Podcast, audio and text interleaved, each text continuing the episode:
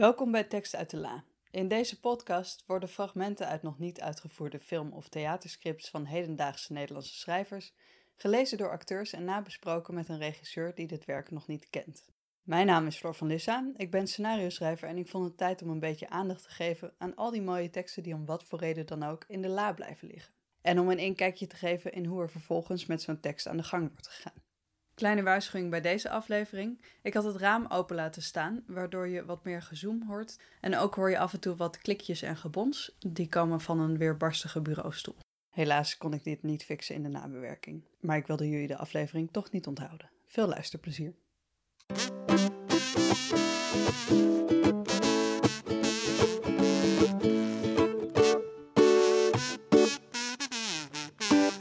Welkom bij Tekst uit de La. In deze podcast worden teksten van bekende en minder bekende hedendaagse Nederlandstalige schrijvers gelezen door professionele acteurs.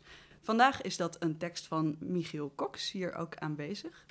En uh, Michiel is schrijver en performer. En in augustus komt zijn debuutroman uit, Messias van Niks, toptitel. Michiel, ja, je mag praten hoor op zich. Oh. Iedereen zeer in stilte voor Michiel aan het juichen. En uh, Michiel en ik hebben ook ooit samengewerkt. En toen uh, vond ik al dat hij enorm mooie zinnen kon schrijven. Dus uh, daarom heb ik hem lekker uitgenodigd. En ik heb voor hem Peter Sonneveld uitgenodigd om even iets te vertellen over waarom hij Michiel een toffe schrijver vindt. Van mijn moeder mag ik geen tof zeggen. een goede schrijver. Hallo, Floor hier nog even. Ik was in al mijn enthousiasme totaal vergeten om Peter goed te introduceren. Mijn excuses. Peter is acteur, regisseur en docent. Als docent is hij verbonden aan de Artes. En hij regisseerde onder andere bij het Rood Theater en bij zijn eigen groep Bonheur. Peter, misschien wil jij daar iets over zeggen. Ja, zeker. Uh, ik ken Michiel uh, een paar, vier jaar. En we zijn uh, met elkaar in contact gebracht door Simon Weda uh, van de tekstsmederij. Ah. Mhm. En uh, toen stuurde Simon mij een paar bladzijden van Michiel op om te kijken of ik daar iets mee kon. Want anders kreeg ik een andere schrijver toebedeeld. En dus ik maakte gespannen dat bestand open.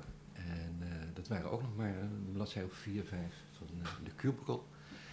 En daar merkte ik meteen aan dat uh, Michiel een pen heeft, zoals dat heeft. Hij kan schrijven. Uh, hij kan ook heel goed dialogen schrijven. Uh, het is maatschappelijk geëngageerd.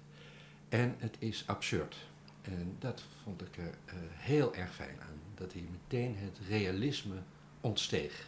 Hm. Terwijl het wel allemaal heel reëel was. En echt vlees en bloed had. Dus ik wilde heel erg graag met Michiel dat traject in. En toen hebben we elkaar een keer of vijf, zes, geloof ik, gezien, gesproken. En ik vond dat uh, uiterst plezierig. En ik heb ook nog een keer, toen heeft Michiel een audiotour gemaakt voor Galerie Mama in, uh, in Rotterdam. En daar heeft hij ook uh, een, de tour is meestal dat je dan, dan een audiotour is, gaat meestal over mensen die in huizen wonen of daarin dingen over vertellen. Maar Michiel heeft het straatmeubilair aan het woord gelaten. Oh, mooi. En uh, ik heb toen het Visserijplein gespeeld. Ja. en met heel veel plezier. En nou ja, dat, dat op het andere been zetten, dat trekt me sowieso al heel erg aan. En bovendien schrijft hij ook nog eens heel mooi. Dankjewel voor deze mooie inleiding. Uh, dan hebben we hier vandaag aanwezig om te gaan lezen uh, Martijn. Martijn is acteur. En lees zo meteen Marcel. Ja, dat klopt. Yes. En Martijn van der Veen trouwens. Martijn van der Veen, uh, ja. zeggen. En Bart Harder, uh, ook acteur. Ja. Uh, kent Michiel, ontdekten we net nog van de opleiding. En die leest zo meteen Mo de broer van Nissa. Die wordt gelezen door Sarah van der Vlerk. Sarah is theatermaker en uh, sinds kort ook cabaretier. En we hebben hier nog Hanneke Scholten, uh, ook actrice. En die uh, was onlangs nog te zien in de film van Eva Zane, die hier ook te gast is geweest. Oh, wat leuk. Yes, ja. En Sarah leest dus Nissa en Hanneke leest Olga. Yes? Yes. Het stuk heet Voor je wordt herboren van Michiel Cox. En we lezen deel 2. Andante. Mo, een collega van Marcel, blijft eten. Hij heeft zijn zus meegenomen. Nissa. Marcel en Mo staan weer voor die boekenkast. Is die dit? Is die dat? Nissa heeft een sportzak bij zich. Als ik dicht bij haar sta, ruik ik haar zweet. Het ruikt niet scherp. Het is de zee die in haar oksel drijft. Nissa vraagt of ik ook boeken verzamel. Ik zeg van niet. Ik zeg dat ik architect ben. Ik zeg dat gebouwen constructies zijn. Constructies zijn opgebouwd uit patronen. En patronen uit lijnen. Lijnen uit punten. Als je genoeg punten hebt, dan heb je een lijn en niet veel later een gebouw. De aanslagen van 11 september, New York 2001. Ik ben erbij, vertel ik aan. Ik zie de torens instorten. Ik zit op een ferry als de eerste stofwolk over de stad rolt. Al die zielen omringd door papiersnippers en stof. Ik was daar voor de hoogte, zeg ik.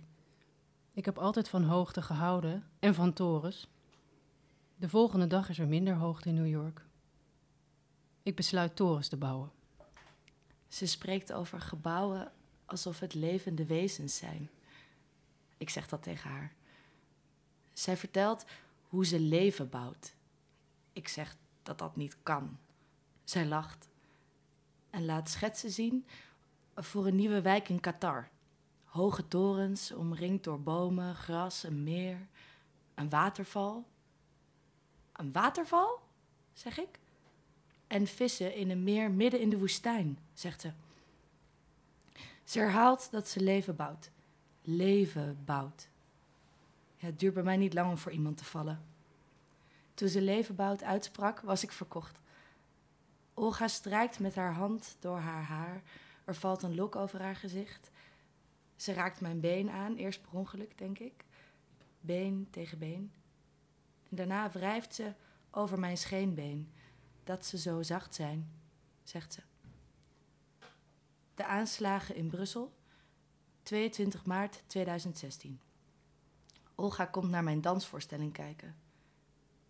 Die wordt afgelast, dus lopen we door de stad, door de wedstraat. We blijven kijken. De paniek is verdwenen. Er komt nog rook uit het metrostation. Lijkwagens rijden af en aan. Mijn hand zweet. Ik zeg het haar. Zij vindt het niet erg. Ze zegt dat ik naar de zee ruik, maar er niet naar smaak. Ze zegt dat ik zo zachte oren heb. Als Marcel op reis is, komt Nissa slapen. Ik ververs de lakens niet. Nissa haar lange, donkere haren liggen op zijn kussen. Marcel zegt niets. Er is veel op de duivelsverse aan te merken. Vooral wat de leesbaarheid betreft. Het had compacter gekund. Maar dat is smaak. En smaak is niet interessant. Marcel mag minder en minder lessen geven. Hij publiceert minder. Kijk, De geschiedenis is interessant en gevaarlijk. De geschiedenis is vuur.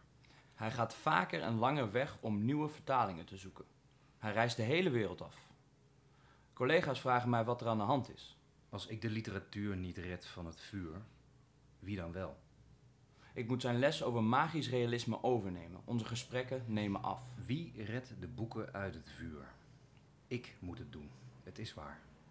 Ik zeg hem dat hij misschien eens moet. Het probleem met gelijk hebben is dat je later pas gelijk krijgt. Mensen zijn te gevoelig.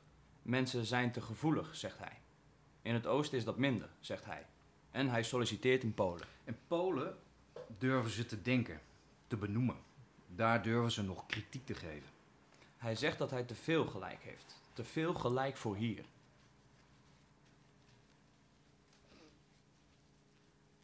Beeld 3. Moderator. Vier jaar later sta ik opnieuw voor de boekenkast vol duivelsversen. Marcel laat mij een eerste Franse druk zien. Trots dat hij is. Hij gaat eindelijk naar Polen, zegt hij, nog trotser. Een promotie noemt hij het. Een trede hoger, zegt hij. Een verdieping hoger. Ik kan alleen maar knikken.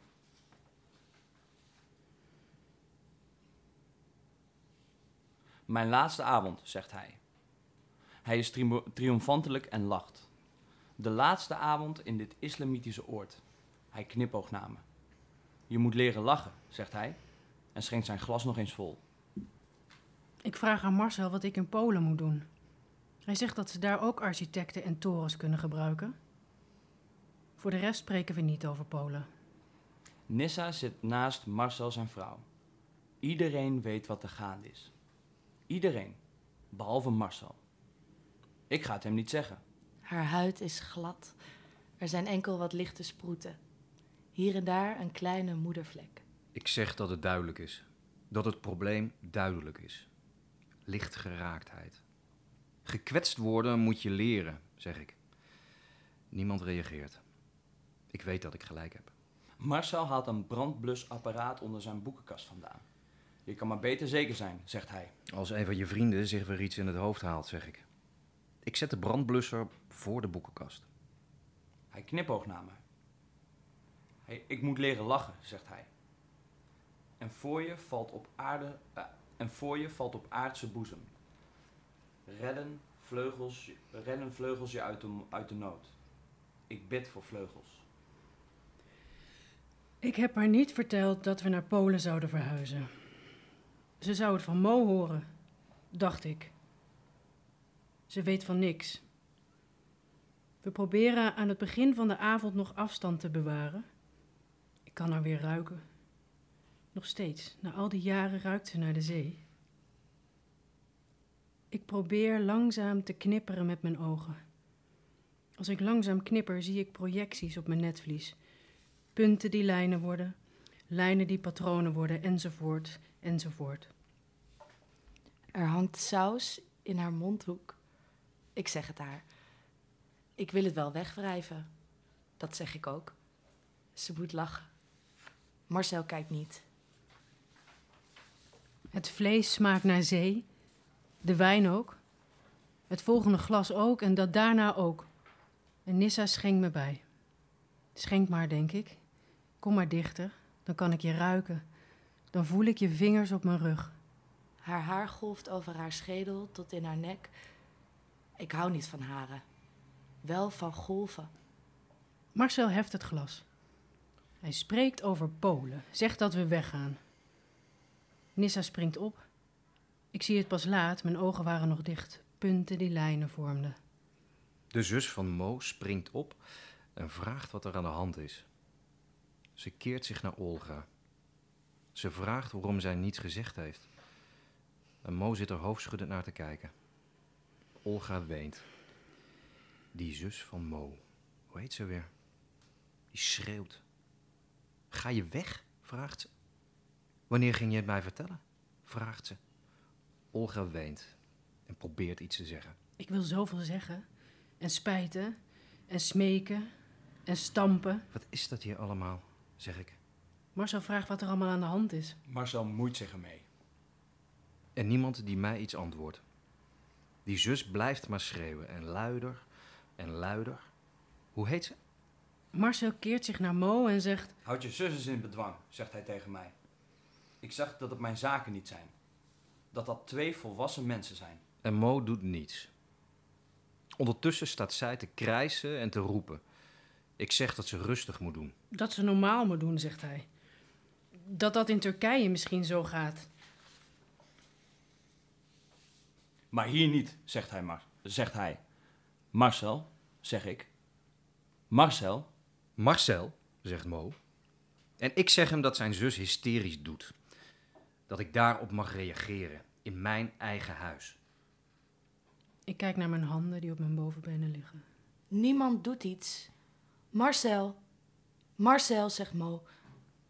Olga zit als een getemd dier te wachten tot het voorbij is. En Marcel blijft herhalen dat we ons moeten gedragen als we bij hem zijn. Marcel schreeuwt nu ook tegen mij. Ik kan alleen maar wachten tot het voorbij is. Dat ik mij moet gedragen, zegt hij. Dat hij zich moet gedragen, zeg ik. Dat ontwikkelde mensen zo niet met elkaar omgaan, zeg ik. Marcel, zeg ik.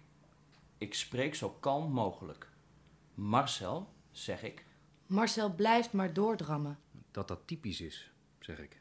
Dat beleefdheid niet belangrijk is in die cultuur van hen, zeg ik. Marcel, zeg ik. Ik zeg dat hij de enige is die nog schreeuwt. Ik heb er genoeg van. Ik sta op. Ik pak de brandblusser. Ik richt de slang op zijn boekenkast.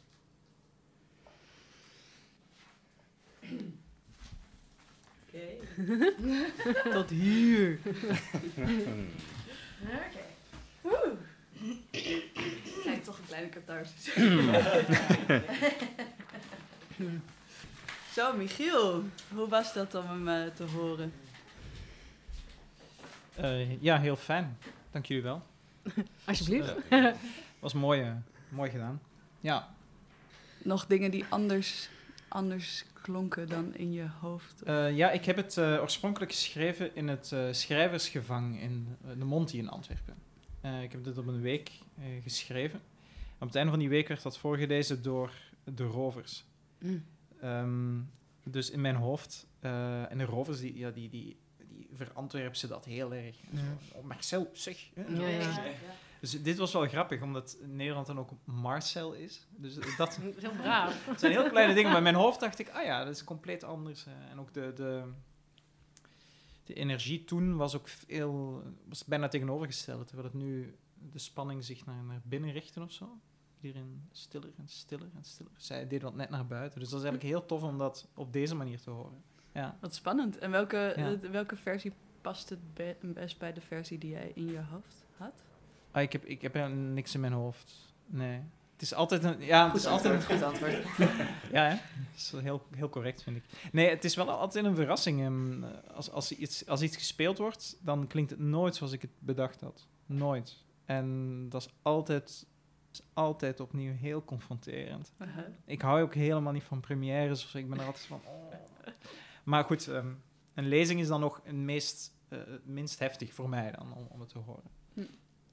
Ehm, maar het is gewoon heel interessant om te zien hoe mensen met die tekst omgaan. Ja. Ja. En Peter, Ja, jij was helemaal blanco. Jij had Ja. eh, nog niks gelezen. nee. Ehm, hoe was het voor jou om deze tekst te horen? Eh, wel bijzonder, want ik vind het wel heel erg anders dan wat ik eh, tot nu toe van Michiel ken. Dus dat vind ik heel erg leuk. En waar, waar zit dat in? Ehm, dat eh, het lijkt alsof de personages geen contact met elkaar hebben. Dat het eigenlijk voortdurend vertellend is tegen een publiek, vermoed ik. Ehm, dus dat is anders. Het zijn allemaal mensen tot nu toe. Eh, de boekenkast bedoel je daarmee? terug. Het, eh, Oh, je bedoelt uh, geen ook niet. vissersplein. Kan ook een Ja. stoel zijn, ja. Ja, nee, inderdaad, er blijven ook mensen in dit. Het eh, blijven ook. Het zijn gewoon vier mensen. Ja, De boeken gaan eraan. ja eh, Oké. ja. Ehm, dus dat is wel eh, dat is verrassend. Het, het, eh, eh, het is wel geestig dat ik net zei, ik kan zo goed dialogen schrijven. Dat dit op een heel ander niveau een dialoog is natuurlijk. Dit zijn eigenlijk meer monologen. Ja, ja. Ja, of dat je, ik weet, als het allemaal tegen, het is, in mijn eerste indruk is dat het allemaal tegen het publiek is, tegen een toeschouwer. Dus dan wil je als personage misschien je publiek daarvan overtuigen, eh, van hoe, hoe jouw waarneming daarvan is en hoe jouw beleving daarin is. Die dan weer tegengesproken wordt door het andere personage, waardoor er een soort van conflict kan ontstaan. Of in ieder geval meerkleurig andere zienswijze op de gebeurtenis of het personage van Marcel. Ehm, dat is mijn e- zo het eerste waar ik nu aan denk. Ik, Hm. ik weet niet waar het naartoe gaat. Dat vind ik ook wel fijn. Ja, dat is natuurlijk ook omdat het een fragment is. Zo. Ja, we, we, we vallen er ook meteen in natuurlijk. Er is iets aan vooraf gegaan. Het is deel 2. scène 2. En hoe zou je hier... Ja, het is natuurlijk lastig te zeggen omdat het een fragment is. Maar Ja. hoe, hoe zou je, als je dit als op zichzelf staande scène zou krijgen... Ja. hoe zou je dan aan de slag gaan? Ik zou er een hoog tempo in gooien. Eh, ik vond het nu een beetje treurig worden, allemaal. En een beetje gevoelig. En ik denk, iedereen moet proberen zo snel mogelijk elkaar te overtroeven en er tussendoor prikken. En dat het gaat rollen, rijden, Mhm. sneltrein. Dus dan, eh, wat levert dat op qua... Wat voor, wat voor gevoel krijg je dan, denk je? Bij de... Ik denk dat er dan een eh, grotere interactie tussen de acteurs zal zijn. En nu kan iedereen toch een beetje zijn eigen eiland vormen met het publiek. En van daaruit het publiek benaderen. Terwijl als ik voortdurend word onderbroken in een monoloog, en het geen monoloog is, maar omdat de ander dan moet, dan krijg je daar denk ik een, eh, dat het speelser wordt. Hm. Ik vond het nu zwaar. Hm, ja. En eh, het is misschien ook wel zwaar, maar dat moet je natuurlijk nooit spelen. Maar goed, het is voor een eerste keer ook logisch Mhm. dat je dat zo doet. Ja, en het is in die zin ook wel interessant. De fragmenten zijn... eh, het begint met langere stukken ehm, monologen. En dat wordt dus korter en korter en korter. En dus hier is net het moment dat het korter komt. En dus ook meer op tempo komt, inderdaad. Oké. Dus in het begin in de expositie van de personages heb je echt... Nemen ze hun tijd om hun wereldbeelden te presenteren. En dan... eh, En inderdaad. geschiedenis. Hm. eh. Ja, ja, ja. En hun eh, obsessie in, in het geval van Marcel dan met het boek De Duivelsversen van, eh van Rushdie. Waar het Mhm. eigenlijk allemaal om gaat. Ja, ik vind het heel lekker. Ja, ik heb hem op een gegeven moment afgebroken, maar dat je nog net zo die suggestie hebt van dat, Ja. zij, dat zij die brandblusser op die kast richt. En dat dus de boeken niet ten onder gaan aan vuur, maar aan ja, schuim. Ja, inderdaad. Ja. Ja. Aan het tegenovergestelde ervan eigenlijk. Ja, dat vond ik erg mooi. En eh, voor, voor Hanneke, hoe... eh, Ehm, oh ja, oh, eh, ja, er is zoveel over te zeggen. Maar ik snap wel heel goed wat Peter zegt. Ik had heel erg ook tijdens het lezen, omdat ik dan zoek naar een soort van houvast. Van waar ben ik, wie, hoe. En dan eh, merk ik dat, het, dat je ook snel in een sfeer, niet per se concreet in een gevoel terechtkomt, maar in een sfeer. En dan wil, je dan ik wel een beetje uitblijven. En het helpt mij heel erg tijdens het lezen, merkte ik van, ik heb het idee dat ik eigenlijk de film van mijn eigen leven zie. Zo zie ik het voor me, de tekst. Dat je naar jezelf kijkt en dat beschrijft, zo snel mogelijk eigenlijk aan iemand. Dus zo zie ik het. Dat, dat je het echt... Dus, dus niet per se eens voor het publiek, maar bijna gewoon hardop tegen iemand. Of, dat je het ziet. Van dit was er toen gebeurd, dat was er gebeurd, zus was er gebeurd, zo was er gebeurd. En ik weet het niet meer precies, maar zij zei dit en ik wou dat. En, dus dat, dat, dat voelt heel prettig en dan is het soort filmisch. En wat ik heel wat, Mag ik iets vragen ook? ja, Ja, dat wil ik altijd heel graag namelijk aan schrijvers vragen. Wat ik met theaterteksten. Wat ik altijd heel interessant vind, is waarom de, hoe de bladwijzer is. Dus, want ik doe daar altijd heel veel. Of probeer er dan soms juist niks mee te doen of wel iets mee te doen. Maar het is vaak heel dwingend, net als de interpunctie. En, en bijvoorbeeld voor film is dat totaal anders. Dus Ja. dan hoop je altijd maar dat ze daar niet bewust te veel mee bezig zijn geweest. En dan, dan moet je die tekst zo mompelig mogelijk een beetje realistisch praten. Ja. En, eh, en Ik ben hier... er altijd heel erg mee bezig met dialoog. Ja, ja. En, eh, en ik, ja, nou, ik vraag het ook omdat je nooit zo heel duidelijk eigenlijk weet of de schrijver en de speler dat voor elkaar weten. Maar hier staat bijvoorbeeld best wel veel comma's en ook een pu- punten. En dan in één schone zin en dan niks en dan een nieuwe zin. En ik denk dan, moet ik even tijd nemen? Ehm, eh, eh, moet ik al die comma's ook doen? Of eh, net als als iemand puntje, puntje, puntje schrijft, dan denk ik ook, oh, dit is een gedachte. Ehm, wat ook heel prettig is, want dan kan je soms helemaal doen wat er staat. En wat soms ook heel verwarrend is, omdat je denkt, mag ik eerst even zelf zoeken? Dus, dus er was meer een vraag of je dat dan heel bewust hebt gedaan, dat ik punten als punten moet zetten, bijvoorbeeld. Punt. Ehm, ja, een goede vraag. Nee, hoe, jij het, hoe jij het dan precies doet, dat is, dat is, aan- dat is aan, aan jou. Dat, Dus je ja, kan da- da- negeren. daarin, daarin wil ik wel ook wat u ook wel de vrijheid geven of zo. Maar ehm, Ah, ja. voor, voor mijn, in mijn hoofd heeft, is dit wel het ritme inderdaad. Ja, Dus, precies. eh, ja, oké.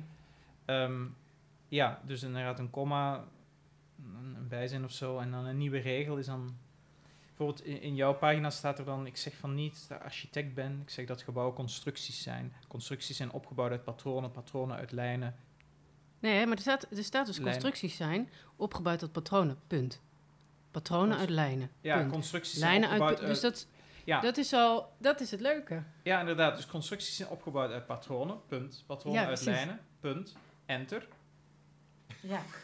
ja, ja, ja, dan heb ik het Lijnen wel uit zo. punten. eh, ja, ja, Ja. ja. En je hebt ook sommige schrijvers die daar dan misschien nog een entertje voor lijnen uit punten Ja. zouden zetten. Omdat, maar dat, Ja. soms is dat ook een beetje irritant nadrukkelijk. Maar Ja, ik moet wel zeggen, ik ben veranderd. Sinds ik dit heb geschreven, heb ik ook mijn boek geschreven. En mijn uitgever heeft mij nu eh, ge- ge- duidelijk gemaakt hoe het in de proza alleszins moet, precies, met, met dingen.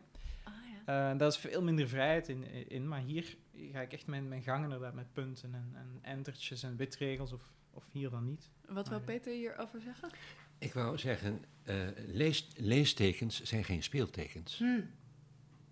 Dus eh, de, de, hoe de schrijver het heeft opgeschreven, waar hij de komma, de punt of waar hij de witregel maakt, is voor hem, Mhm. om het te lezen.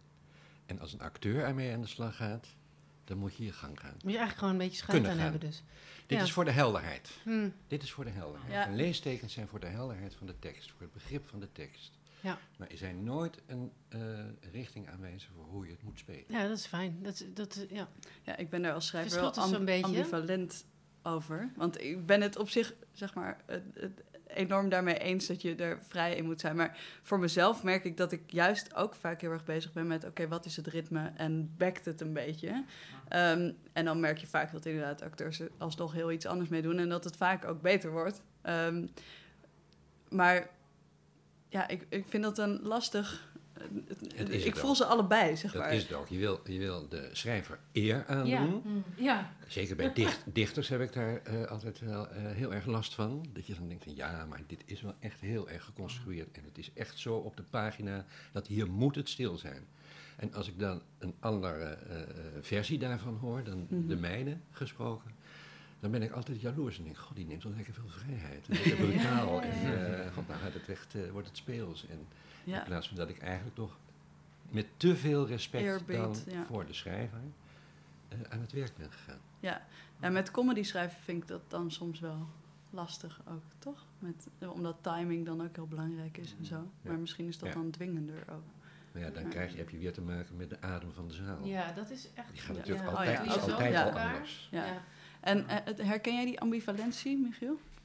Eh, ja, ja, zeker. Ik probeer alleen wel te negeren zoveel mogelijk. Ik probeer echt te schrijven. Ik ben ook van de, volgens mij, 19e eeuwse overtuiging dat een toneeltekst ook een, eh, of zelfs nog eerder, Ietsje hoor, ietsje maar. dat een toneeltekst ook gewoon literatuur is. Eh, ik heb een, een vrij grote collectie toneelteksten thuis en ik lees die ook graag. Mhm. Ik denk niet dat er dat, dat per se heel veel publiek heeft. Eh, maar ik, ik vind het ook fijn... Bart is hard zijn hoofd aan het schudden. Nee, te krijgen. Ja, dat ook, inderdaad. Dat ook. Ze zijn heel moeilijk te krijgen en ja, het leest ook niet zo makkelijk per se. Eh, maar ik denk dan altijd van, ja, als ik dit zou krijgen, als ik dit in mijn zetel zou willen lezen, dan moet dat ook gewoon leesbaar zijn. En ehm, dat moet ook zo op papier staan, dat het goed backt, inderdaad. Maar ook, ook dat het leesbaar is. En wat, de acteurs gaan daar toch hun gang mee. Eh, dus je kunt ook maar in zoverre tegemoetkomen aan hun... eh, aan wat zij moeten doen daarmee. Dus Dus zijn eigenlijk gewoon twee verschillende resultaten. Je hebt de, zeg maar, Ja. de theatertekst op zich als ja. eh, een, een, een kunstwerk of een literair werk. En dan wat ermee gebeurt op het, op het podium in die Ja. vertaling. En daarin vind ik de quote van Peter wel heel mooi. Ja, hè? Ja. Ja. Ik heb dat, eh, toen wij samenwerkten, had ik dat. ehm, had, oh, sorry. Toen wij samenwerkten, had ik, kwam ik daar wel op. Dat ik dacht, oh ja, dat kan nooit worden zoals je dat schrijft of zo. Dus laat ik dat dan ook maar Het loslaten. kan een Russische videoclip worden. Exact, exact, ja. Ja. En het, het is natuurlijk nog een beetje ehm, eh, in, een, in, een, in een glazen bol kijken. Maar, eh, eh, want je hebt nu een, een roman geschreven. Hoe daar, dat zal niet door acteurs worden eh, eh, Nee. herinterpreteerd? Of heb je een, wat vind je prettiger op dit moment, denk je? Als je, als je, als je verschil kijkt, zeg maar, want ja, hier heb je niet zoveel over te zeggen wat daar uiteindelijk mee nee. gebeurt. Ja. En nu heb je een roman, dat, dat, dat is toch veel meer in je eigen. eh, heb je toch meer de teugels? eh, wat, wat vind je Ja. prettiger, denk je? Ehm, eh, ja, het is inderdaad een heel groot verschil. Ja. Dus, dus de roman is echt op, op woord, woord, op woord, na woord kan ik bepalen wat het, hoe het ook bij, bij, bij de lezer komt. Ehm, op dit moment is de roman eh, af en eh, ik krijg morgen de correcties. Dus dan moet ik er nog eens doorheen gaan om alle correcties te doen. Daarna waarschijnlijk nog een keer. Dus op dit moment vind ik die roman niet prettig. Eh, ik ben er goed klaar mee, ik zal het zo zeggen. Eh, Ehm, eh, maar ik vind het eigenlijk allebei wel een heel fijne ehm, manier van schrijven. Het is iets compleet anders. Eh, zoals ik zei, dit heb ik in een week geschreven, het stuk. En dat kan ook. Een toneelstuk is echt een sprint om te schrijven. Terwijl een roman, ik ben er, met mijn roman ben ik drieënhalf jaar bezig geweest. Dus dat is echt een heel, dat is compleet anders. Ehm, En dit, wat mooi is aan toneeltekst is dat het is veel eh, alsof er alleen het geraamte is of zo. Je hebt alleen maar die personages en die spreken. Hoewel ze hier dan nog enigszins beschrijven.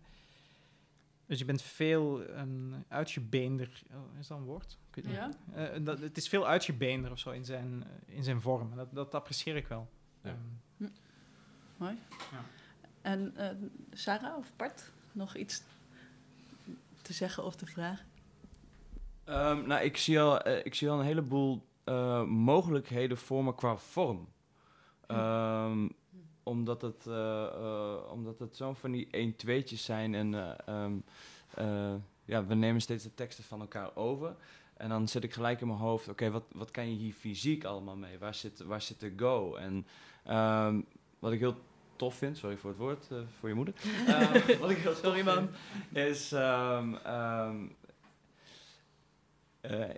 is eigenlijk het, het is een soort klassieke eettafelscène waarbij het volledig uit de klauwen loopt. Alleen omdat het, omdat het eh, flink abstract is, zeg maar, en wat je daarmee kan. En, en ja, dan ben ik benieuwd wat je daar dan mee kan. Hoe kom je los van zo'n tafel, dat er vier mensen aan een tafel zitten en een brandblusser wordt gepakt. En, ehm, ja, dat vind ik, vind ik wel heel interessant hoe dit, eh, hoe dit nu zo geschreven is. En Sarah? Mm.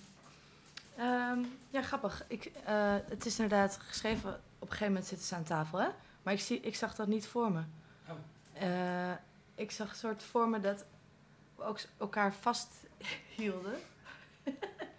dat, eh, ja. Mag iedereen? Of Nee, ja, dat, dat er deed, eh, nee, dat er deed het soort ehm, mom- ja, momenten zijn dat de een de ander vast heeft en een soort weer los wordt gelaten. En dat je dit een soort naar voren komt. Ja, dit klinkt heel abstract, maar in, in mijn hoofd is het heel logisch.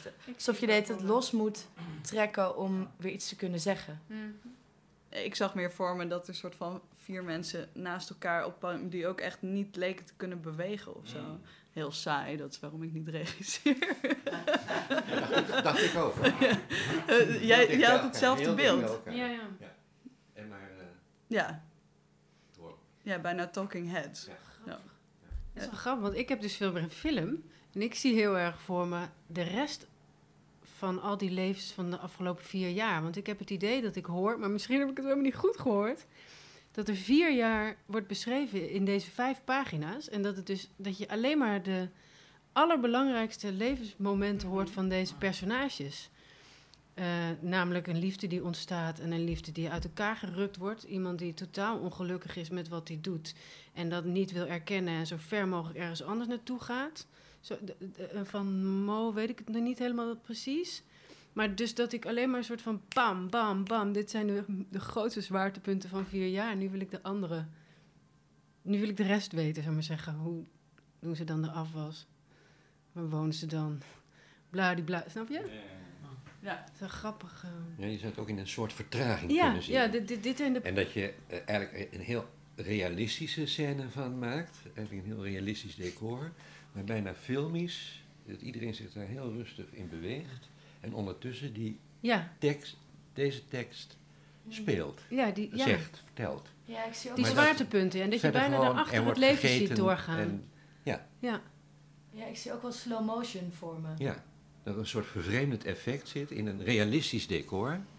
Wat je bijvoorbeeld hebt bij Le Parapluie de Cherbourg. Dat er gezongen wordt. Ja. Eh, eh, de hele dialoog wordt gezongen. Terwijl er gewoon gespeeld wordt en alles eigenlijk heel reëel is en realistisch ook. Maar dat je er een andere eh, kunstvorm tegenover zet. ja, want de tekst is ook helemaal niet realistisch. Mm, Tenminste, vind ik Die niet. De heeft- taal niet. Hoe zeg ik dat? Ik vind het heel echt, bijna. maar precies. Vind het meer... Je bedoelt, zo praten mensen is- niet tegen elkaar. Ze praten niet tegen elkaar. Nee, nee, nee. Tenminste, eh, ja, ik snap wel dat mensen zo kunnen praten over dat ze zo praten toen. Dus dat is een beetje wat er gebeurt steeds. Van ja, hij zei toen dit en ik zat zo. Weet je wel, als iemand zegt, ik zat met mijn handen is op mijn benen. dat het in de tegenwoordige tijd is. Ja, wel toch? Dat Het is wel in de... Het is nu. Ja, Ja. Hij blijft eten. Hij, eh, Precies. eh, ze spreekt over gebouwen. Ze vertelt hoe ze leven. ja. Dus dat is allemaal nu. Dat is nu aan de hand. En ondertussen beschrijf je dat als personage. Ja, Dus eigenlijk heel veel mogelijkheden. Ja. Oh, Ja, mooie nee, dat conclusie. sowieso, eh, dat sowieso. Nou ja, dat is natuurlijk wel aardig van de, de cubicle eh, waar eh, eh, eh, Michiel aan heeft gewerkt bij de tekstsmederij. Dat is ook zo'n dat is een dialoog tussen een man, een bankier, die komt aan de grond. Die zit in een enorm groot pand, een, een, een, een, een, eh, een, eh, wolkenkrabber in Rotterdam. En het andere personage is de cubicle waar die in zit. Oh, mooi. En die spreekt ook. Ja. En eh, is dat een vrouw? Is dat een man? De, de, hoofd, eh, de, de man vraagt zich dat ook af aan... ben jij een vrouw? Wat jij wil, zegt de cubicle. en dat is, vond ik ook... eh, we hebben dat toen gelezen. Hebben daar een paar uurtjes, twee uurtjes aan gewerkt met een paar acteurs. Maar ik dacht wel, hoe zou je dat als regisseur in godsnaam moeten doen, zeg? Dit is spannend. Dat je van een schrijver, dus als regisseur, een opdracht krijgt van... zoek het maar uit. Dat is wel heel erg leuk. Dat je daar dus eh, allerlei kanten mee op kan. Waarschijnlijk maar één kant, dit zal de goede zijn. Maar eh, om dat te gaan ontdekken. En dat, eh, het, is heel, het is eigenlijk een hele creatieve opdracht die je krijgt met die tekst. Want je wordt voor het blok gezet. De cubicle, de kast spreekt. Dat is natuurlijk wel eens eerder gebeurd, maar de kast, ja, die kan ook wel praten. En vazen kunnen ook wel dansen. Maar een hele afdeling, een cubicle, die spreekt. Wat is dit dan? Wat gaan we nu krijgen? Dus dat, eh, ik vond dat wel bijzonder. Dus, dat is, kom maar op door waar we het nu net over hebben. En is het, is, ik zit een beetje te, is het niet ook een, een soort eh, toekomst? Eh, Ik bedoel, kasten en auto's eh, gaan ook eh, tegen ons spreken.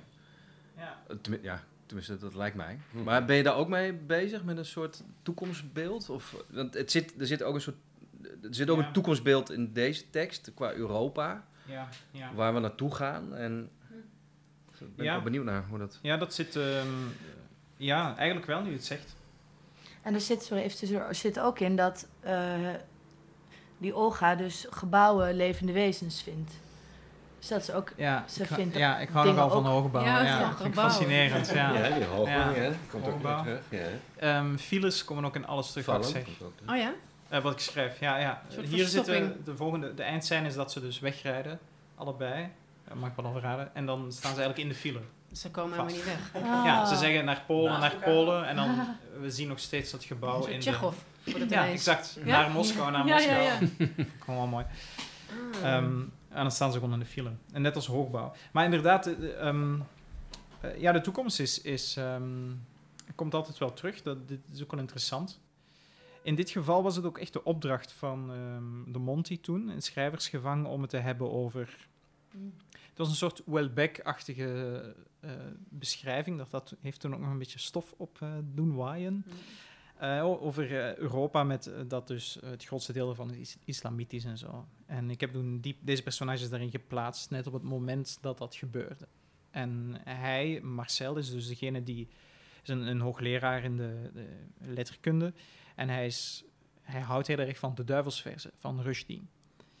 Ehm, ja, en dat boek wordt natuurlijk, ja, dat komt al terug een beetje onder vuur te liggen. En dan uiteindelijk zegt hij, ik ga naar Polen, want daar is het nog, nog ehm, christelijk en katholiek eh, Mm. geïnspireerd.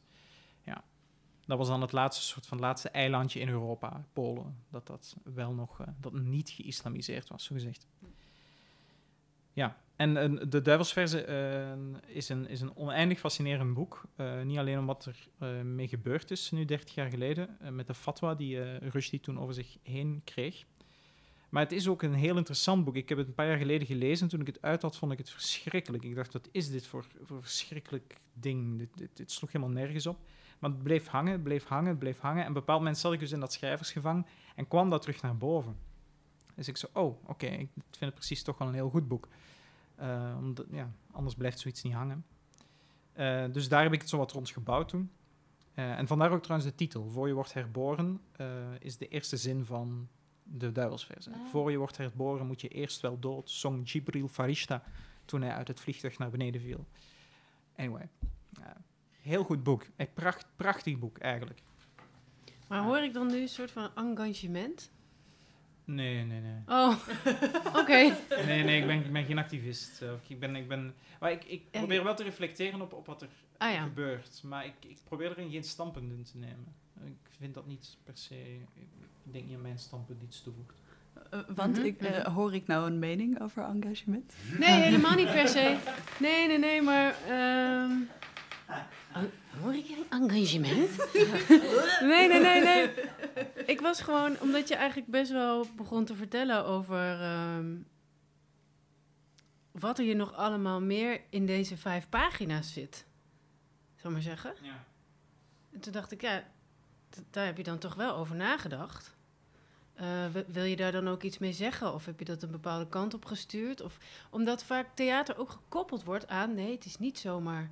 Eh, het gaat niet alleen maar over het probleem van deze mensen. Het overstijgt ook die mensen. En het gaat ook over de Tweede Wereldoorlog. Of ook over het eh, conflict Europa, eh, weet ik veel wat. Ja, ik noem maar. Ah. En ik had het idee dat je dat nu toch een beetje aan het doen was. Maar.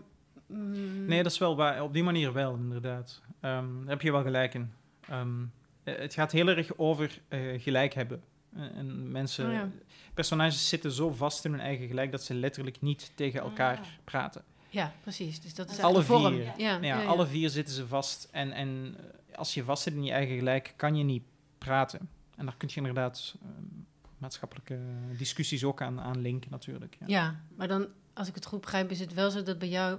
dat je liever hebt dat het publiek, zou maar zeggen, zelf dat uiteindelijk doet... dan dat jij dat heel erg bewust allemaal... Erin stopt. Ja, nee, daar hou ik niet zo van. Nee, Nee, nee. nee inderdaad. Ja, Hanneke maakt Ik een ook heel niet. drukkend Ja. gebaar. Ja, het even naar-. Oh ja, het is een podcast. Ja. Mag ik nog iets, iets helemaal anders vragen? Eh, hoe is het geschreven voor in het Vlaams? Het is het is het Vlaams eigenlijk, toch? Eh, bijvoorbeeld er staat zo zachte oren. Dat Ja, zeggen wij in het Hollands niet. nee. Eh, Gewoon oren.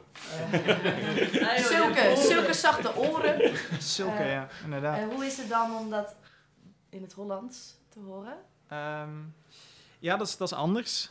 Ehm, dat, is, dat is helemaal anders. Maar eh, ik zit er zelf een beetje tussenin, want ik, Ja. ik woon in Rotterdam, dus het is, het is niet meer... Het is ook niet helemaal Vlaams. Nee, het het is echt, niet... ja. Ja, het, is, het is echt Ja. zo mijn, wat mijn taal is geworden. Ja. Ehm, ja, het is echt anders wat ik in het begin al zei. Het- geeft een heel andere sfeer, de manier waarop dat dan wordt eh, uitgesproken. Mooi. Dank eh, dat jullie dit wilden komen doen, hier zo. Ehm, ik zou zeggen, neem nog een scone. En, eh, dat was het voor vandaag. Dankjewel. Super, dankjewel. Dank jullie.